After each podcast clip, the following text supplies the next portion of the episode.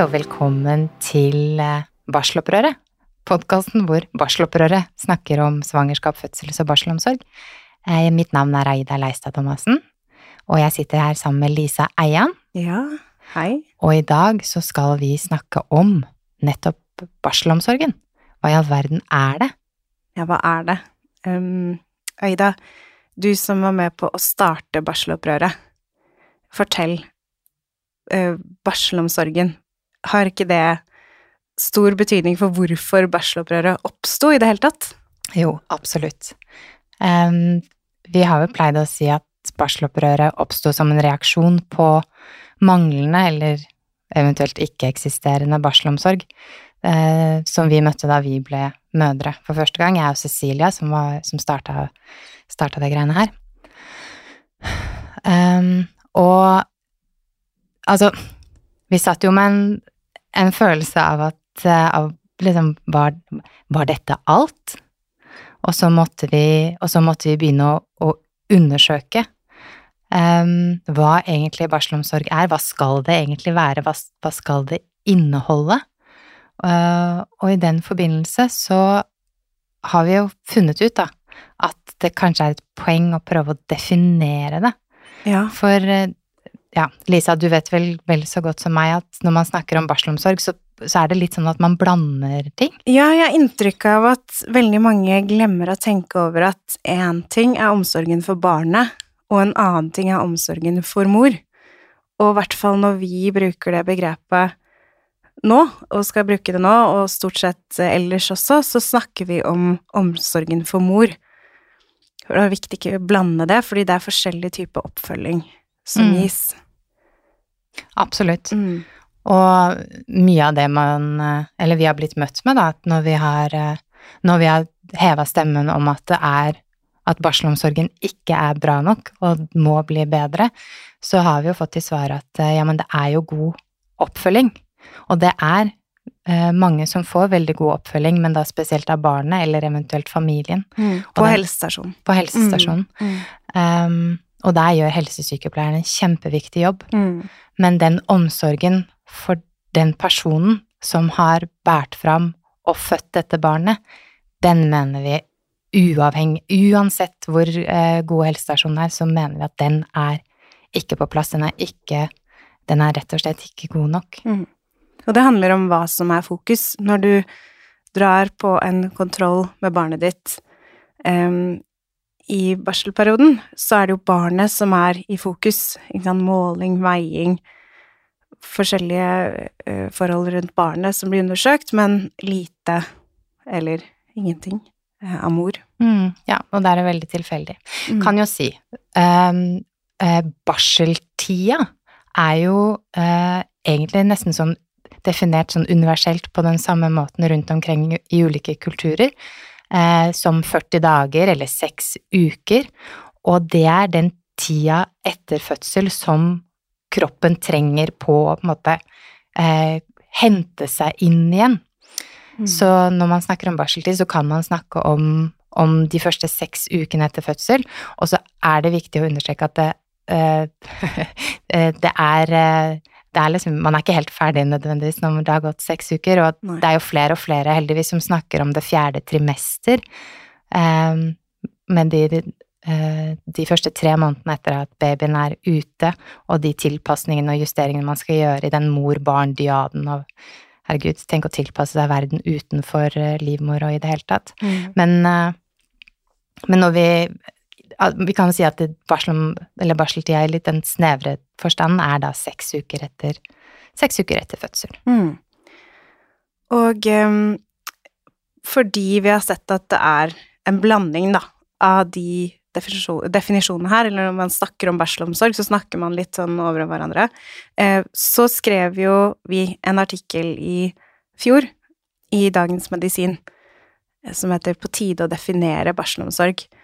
Hva er det som eh, Hva kommer frem der, eh, Aida? Ja, der er det Ja, som du sier, nettopp på bakgrunn av litt sånn At vi kanskje snakker litt forbi hverandre når vi snakker om, om barselomsorgen, når vi sier at den ikke er god nok, og så er det folk som opplever at de, at de får god oppfølging eller, eller gir god oppfølging.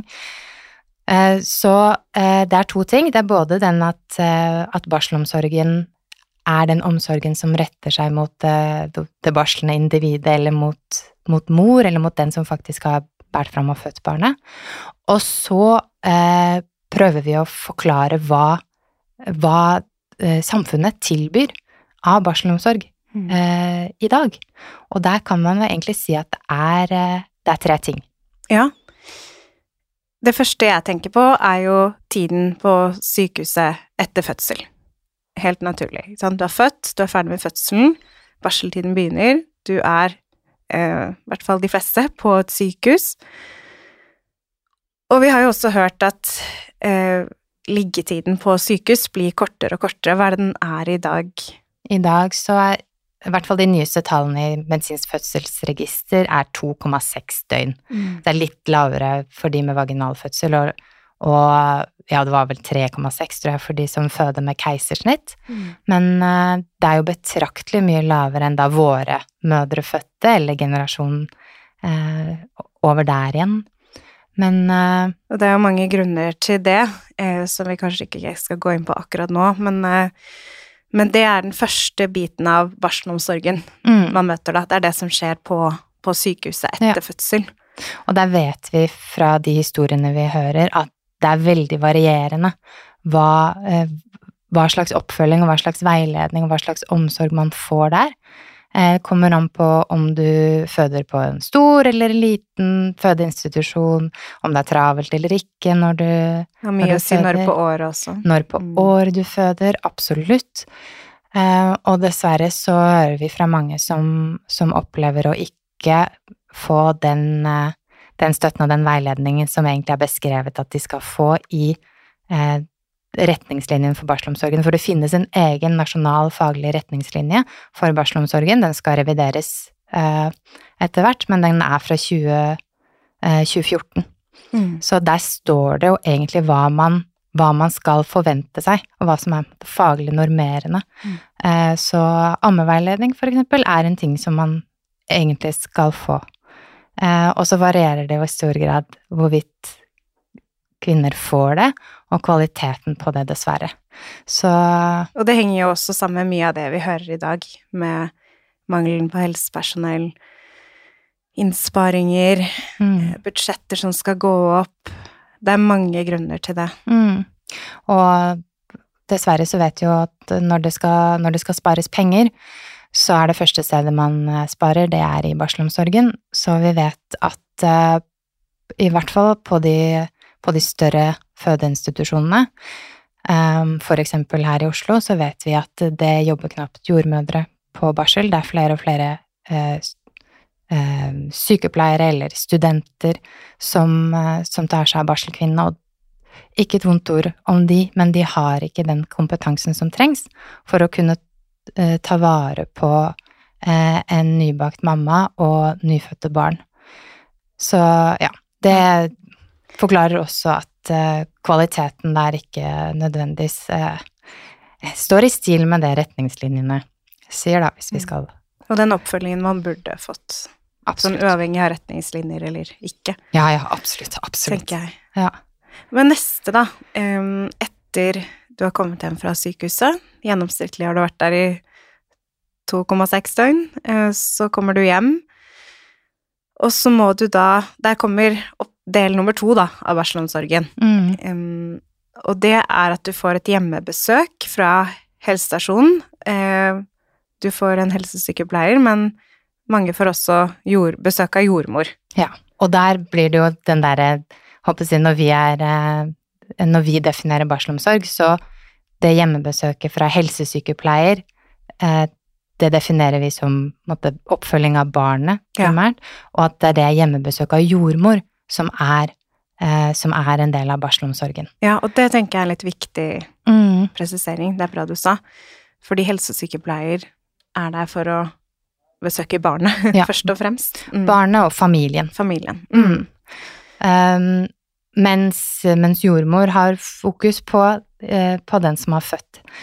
Um, Hvor er- mange er det egentlig som får det nå? Er- Nå er det ca. halvparten Så det er, eh, Ja. det er litt bedre enn da vi starta for et par, par år siden. Eh, Da var det under halvparten. Eh, Så Men det er allikevel ikke bra nok. det er absolutt ikke bra nok. Dette hjemmebesøket er det eh, Skal egentlig komme noen dager etter fødsel. Eh, Innen tre døgn, tror jeg det er. Ja. Um, men ja, det er bare halvparten av kvinnene som får det. Så de som Altså, hvis, hvis, hvis du var som meg og ikke fikk det hjemmebesøket, så har ikke du fått den barselomsorgen du egentlig skulle ha fått. Som egentlig er ganske Og reisende. For det er ikke mye det er snakk om. Det er et hjemmebesøk av en jordmor. Mm. Ok, men det var del nummer to. Um, har vi mer? Hva skjer etter det? Altså, er det noe mer som skjer etter det? Uh, ja, for noen så, det, så skjer det noe mer etter det.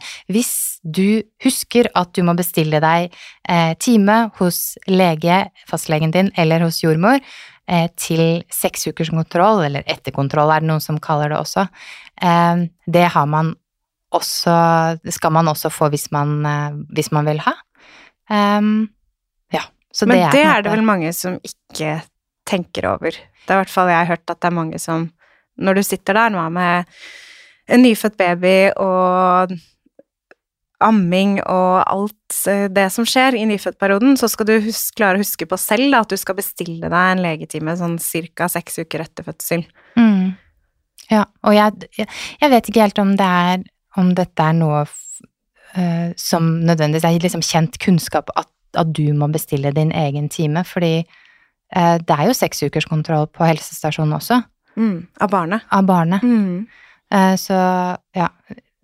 Her kan det også bli litt blanding. Mm. At noen har hørt om å, det er seks ukers kontroll. Mm. Men det er en innkalling du får til barnet, da. Du får ikke noe egen innkalling til seksukerskontrollen for å eh, kontrollere mor og mors helse. Men det mener jo vi at det burde vært, og Ja. at det bør være en enkel sak å implementere over hele landet. At man får en automatisk innkalling.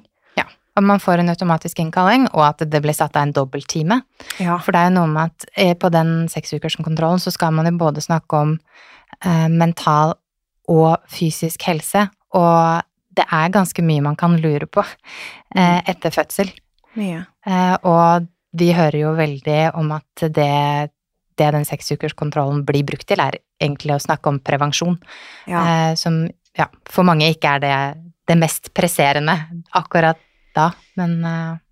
Nei, det er det. Det handler om hva den timen skal, skal inneholde. mm. og at det varierer veldig fra hvem du går til kontroll hos, da. Mm, ja. Så, kan, så det er jo egentlig, egentlig sånn, mine damer og herrer, at barselomsorgen i Norge, den består av tre ting. Det er det som skjer på sykehuset før du drar hjem. Det er det hjemmebesøket du kanskje får eh, når du har kommet hjem. Og så er det den eh, seksukerskontrollen hos lege eller jordmor som du kanskje får. Mm. Eh, og kvaliteten på dette er også veldig sprikende, eh, dessverre. Så når vi sier at eh, vi krever bedre barselomsorg, så, så er det fordi at det her, dette holder ikke i det hele tatt. Nei, når vi Når du sier det sånn, så, så tenker jeg også at eh, kan, er det ikke noe mer vi kan tilby nybakte mødre i dag? Mm. Og hvorfor gjør vi ikke det? Hvorfor er det ikke større fokus på det, når vi vet hvor viktig det er å forebygge fremfor å måtte reparere? Altså Mm. på mange, mange måter, da. Nei, det gir virkelig, det gir virkelig ikke Det gir virkelig ikke mening fra et folkehelseperspektiv, eller Nei. fra et sånn individperspektiv, Nei. at uh, for det å, det å bære fram og føde barn er en kjempestor uh, livsendrende greie. Det er, folk snakker om et som, nesten som det ultimate overgangsritualet. Ja. Så er det noe med å, å faktisk anerkjenne hva det, hva det vil si. Ja. Og, og på en måte nære den personen som har vært gjennom det her, eh, tilbake og faktisk ta vare på den Ta vare på noen som driver og tar vare på et barn. Og jeg syns det er så bra at vi ser noen tendenser, i hvert fall, til brukerstemmer og mødre og eh, sterke personligheter som sier ifra, da, og som, som eh, retter fokus på akkurat det du sier der, eh, Aida. Eh, høyne status for sant, morskapet Mm. og det å bli mor. Um, et eksempel, hun som driver um, Instagram-siden Historisk morskap, Mm. som eh, har fått veldig mange tilhengere, som tar opp nettopp det her, og det syns jeg er så viktig, fordi det er et verdispørsmål og et statusspørsmål. Hvor stor status skal morskapet ha? Hvor, hvordan Eller hvor stor grad skal vi prioritere det som skjer når en kvinne blir mor, da, i Mm. samfunnet? Ja, og når, du er inne på det, så er det jo nettopp det her begrepet, og nå eh, er jeg faktisk litt usikker på hvordan jeg skal uttale det, matrescence, Ja. matrescence. Ja, på fransk? Hørtes hørte- veldig fint ut. Ja, du skjønner, jeg hørte det første gang på en fransk podkast. Oh. Um, men uh, som er på en måte denne Altså, hvis det er matrescence, så er, Mm. det fordi Altså, uh, eh, ordet er bygd opp omtrent på samme måte som adolescence. Adolescence, det er sånn når du sier det. Eh, med, med liksom ungdomstida, puberteten. Ja, riktig. Så det er den derre Det er den Når man snakker om moderskapet som et overgangsrituale, så er det en helt fantastisk masse ting som også skjer i kroppen. Så er det noen som sier prøv å gå gjennom puberteten på, på noen uker, eller hvordan det nå er. Jeg merker at dette må vi snakke mer om en annen gang, for her ble det veldig, eh, veldig det uspesifikt. Mm. Veldig spennende og veldig viktig, og eh, hurra for alle som snakker dette opp. Enig.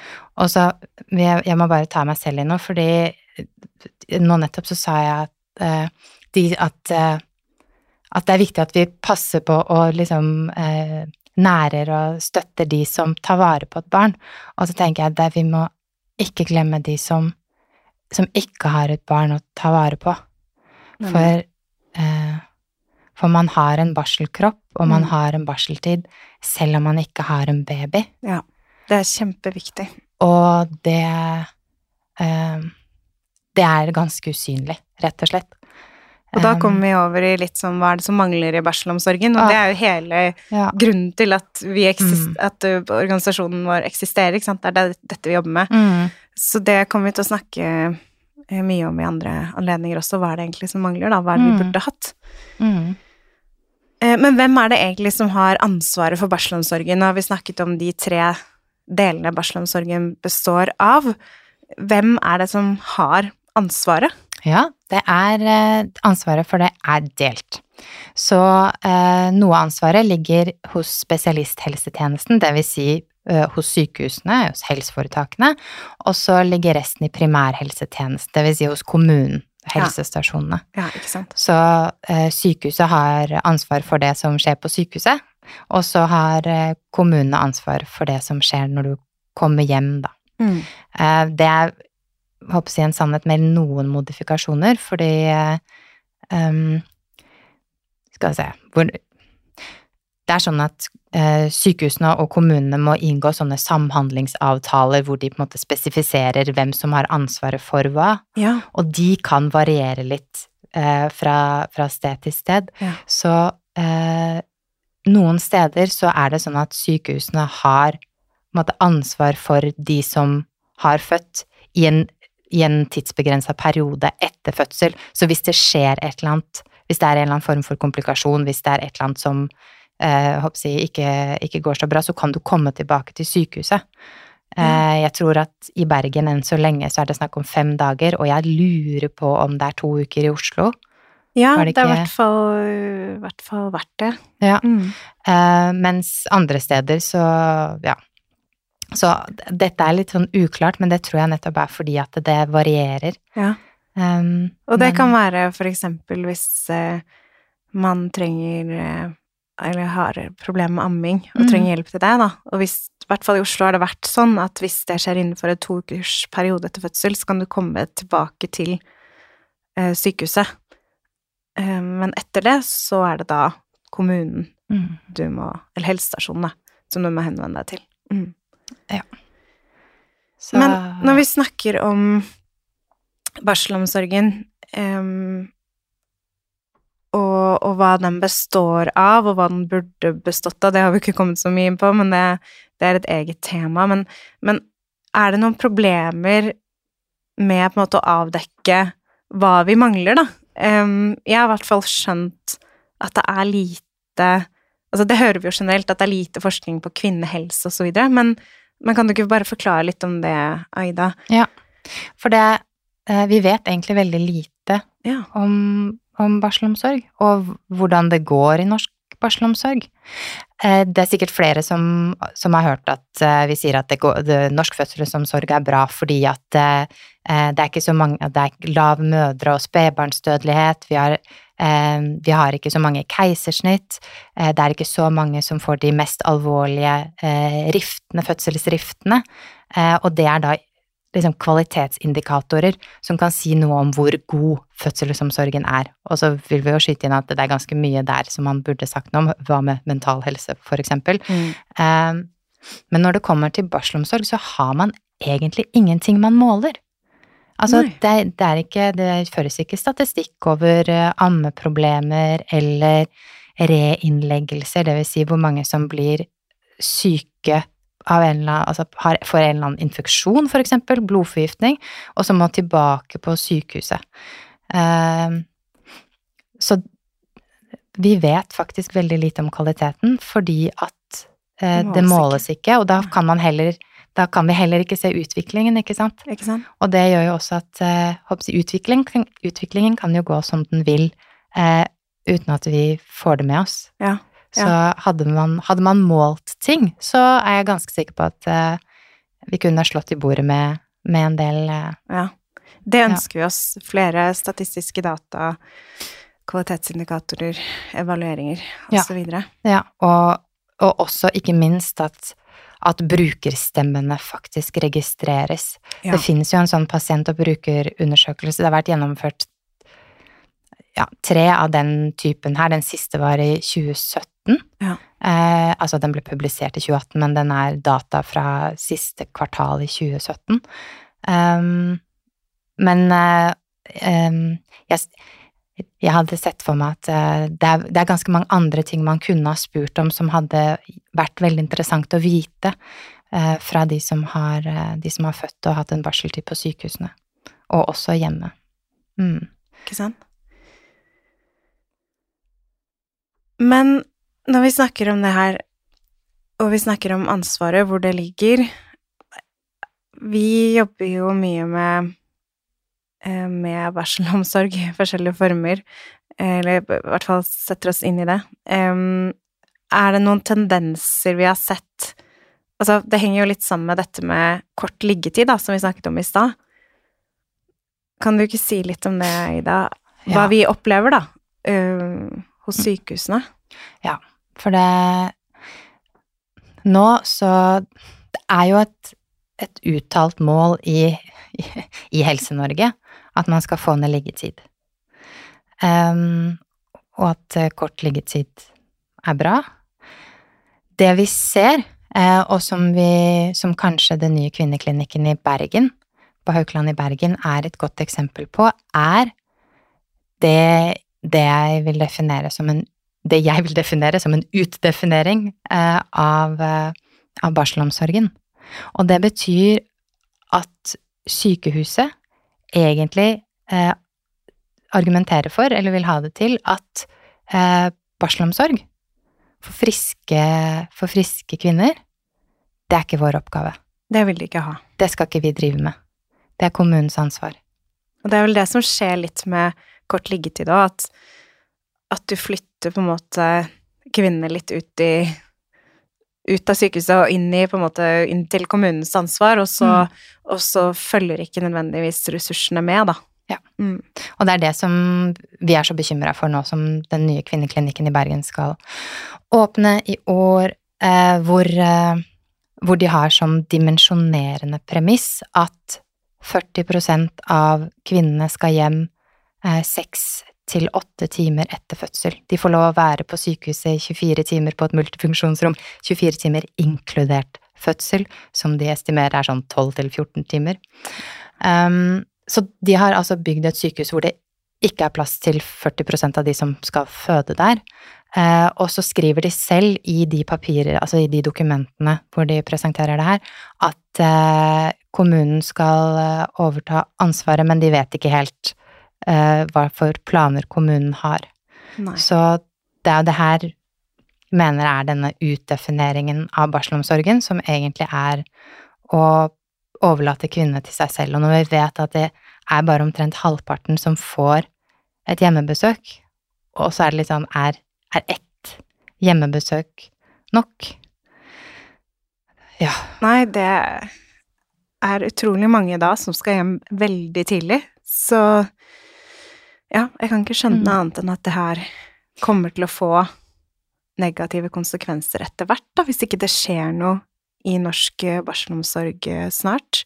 Ja. Men, men eh, det, du var inne på med at vi mange sier at eh, Norge er et av verdens beste land å få barn i, osv., osv., så, videre, så har jo vi begynt å se litt hen til hvordan er det i andre land. Og det er noe som mange lurer litt på også, for det er litt vanskelig kanskje med mindre du kjenner noen der, eller har hørt eller lest det på et eller annet vis. Hvordan er det i andre land? Mm. Og altså um, Når det gjelder oppfølging av, av barselkroppen Altså, det er mange som kan ha vondter eller plager, eller, eller bare altså, pluts, altså, plutselig var du gravid, og så plutselig er du det ikke lenger, og hvordan skal denne kroppen eh, fungere? Så i land som vi liker å sammenligne oss med på andre områder, eksempel Tyskland og Frankrike, så får man i mye større grad oppfølging fra jordmor og opptrening, også fra fysioterapeut, eh, fordi at fordi man fortjener det, kanskje? Eller Ja, fordi at det- samfunnet har skjønt Skulle bare mangle at du får en time hos fysioterapeut etter det alt kroppen har vært igjennom. mm, Det burde vært et tilbud til alle. Ja, Det burde det, og jeg tenker tenk For dette er også en sånn i, i forebyggende Ja. forebyggende. Jeg tenker Altså eh, Det var sikkert ikke bare jeg som tenkte sånn Er dette normalt? Skal det være sånn? Eh, og man kan antageligvis eh, kanskje kvitte seg med en del bekymringer ja. hvis man har fått en sånn konsultasjon. Hvis man kan konstatere at ting faktisk er normalt. Og hvis det ikke er normalt, så kan man, så kan man ta tak i det, og ikke være nødt til å vente, typ, så mange som vi hører at mange får vite. Ja, men kom tilbake om et år, da har det sikkert normalisert seg. Ja. Et år er lenge å vente, ass. Det er mange som går med fødselsskader som kunne vært oppdaget Mm. tidligere. Mm. Eh, men um, ja, noe som jeg har hørt om i hvert fall, eh, er at i Nederland så har de et litt annet system.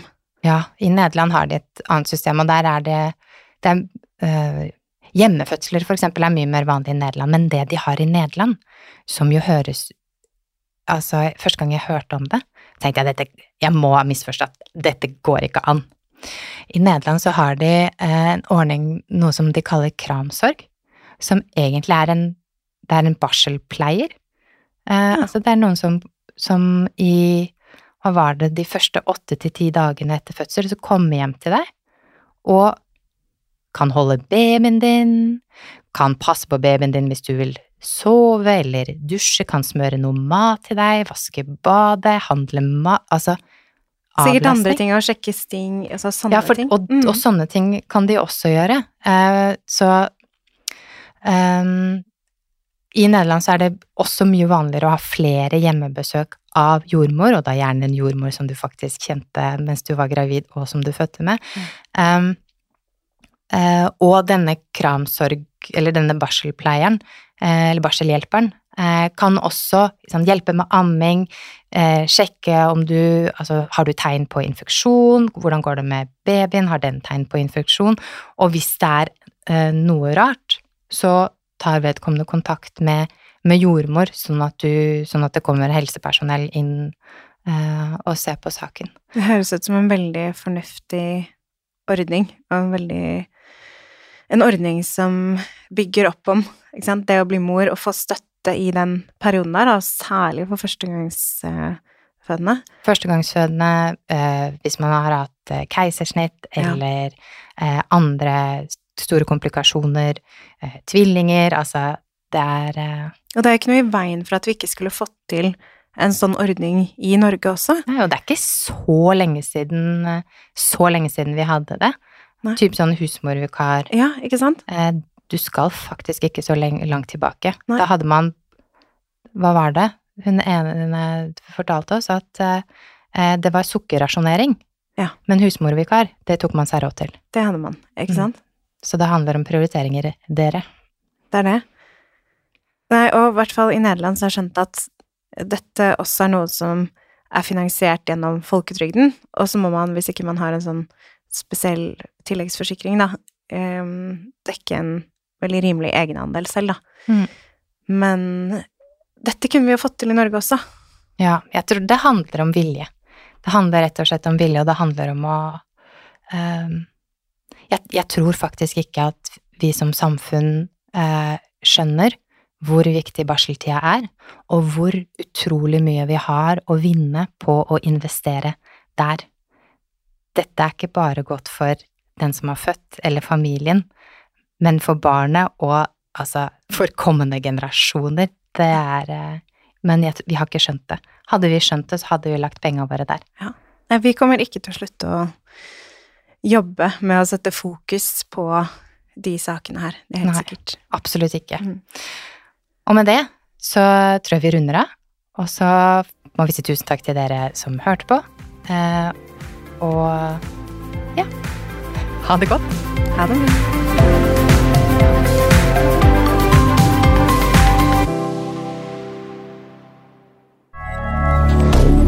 Moderne media.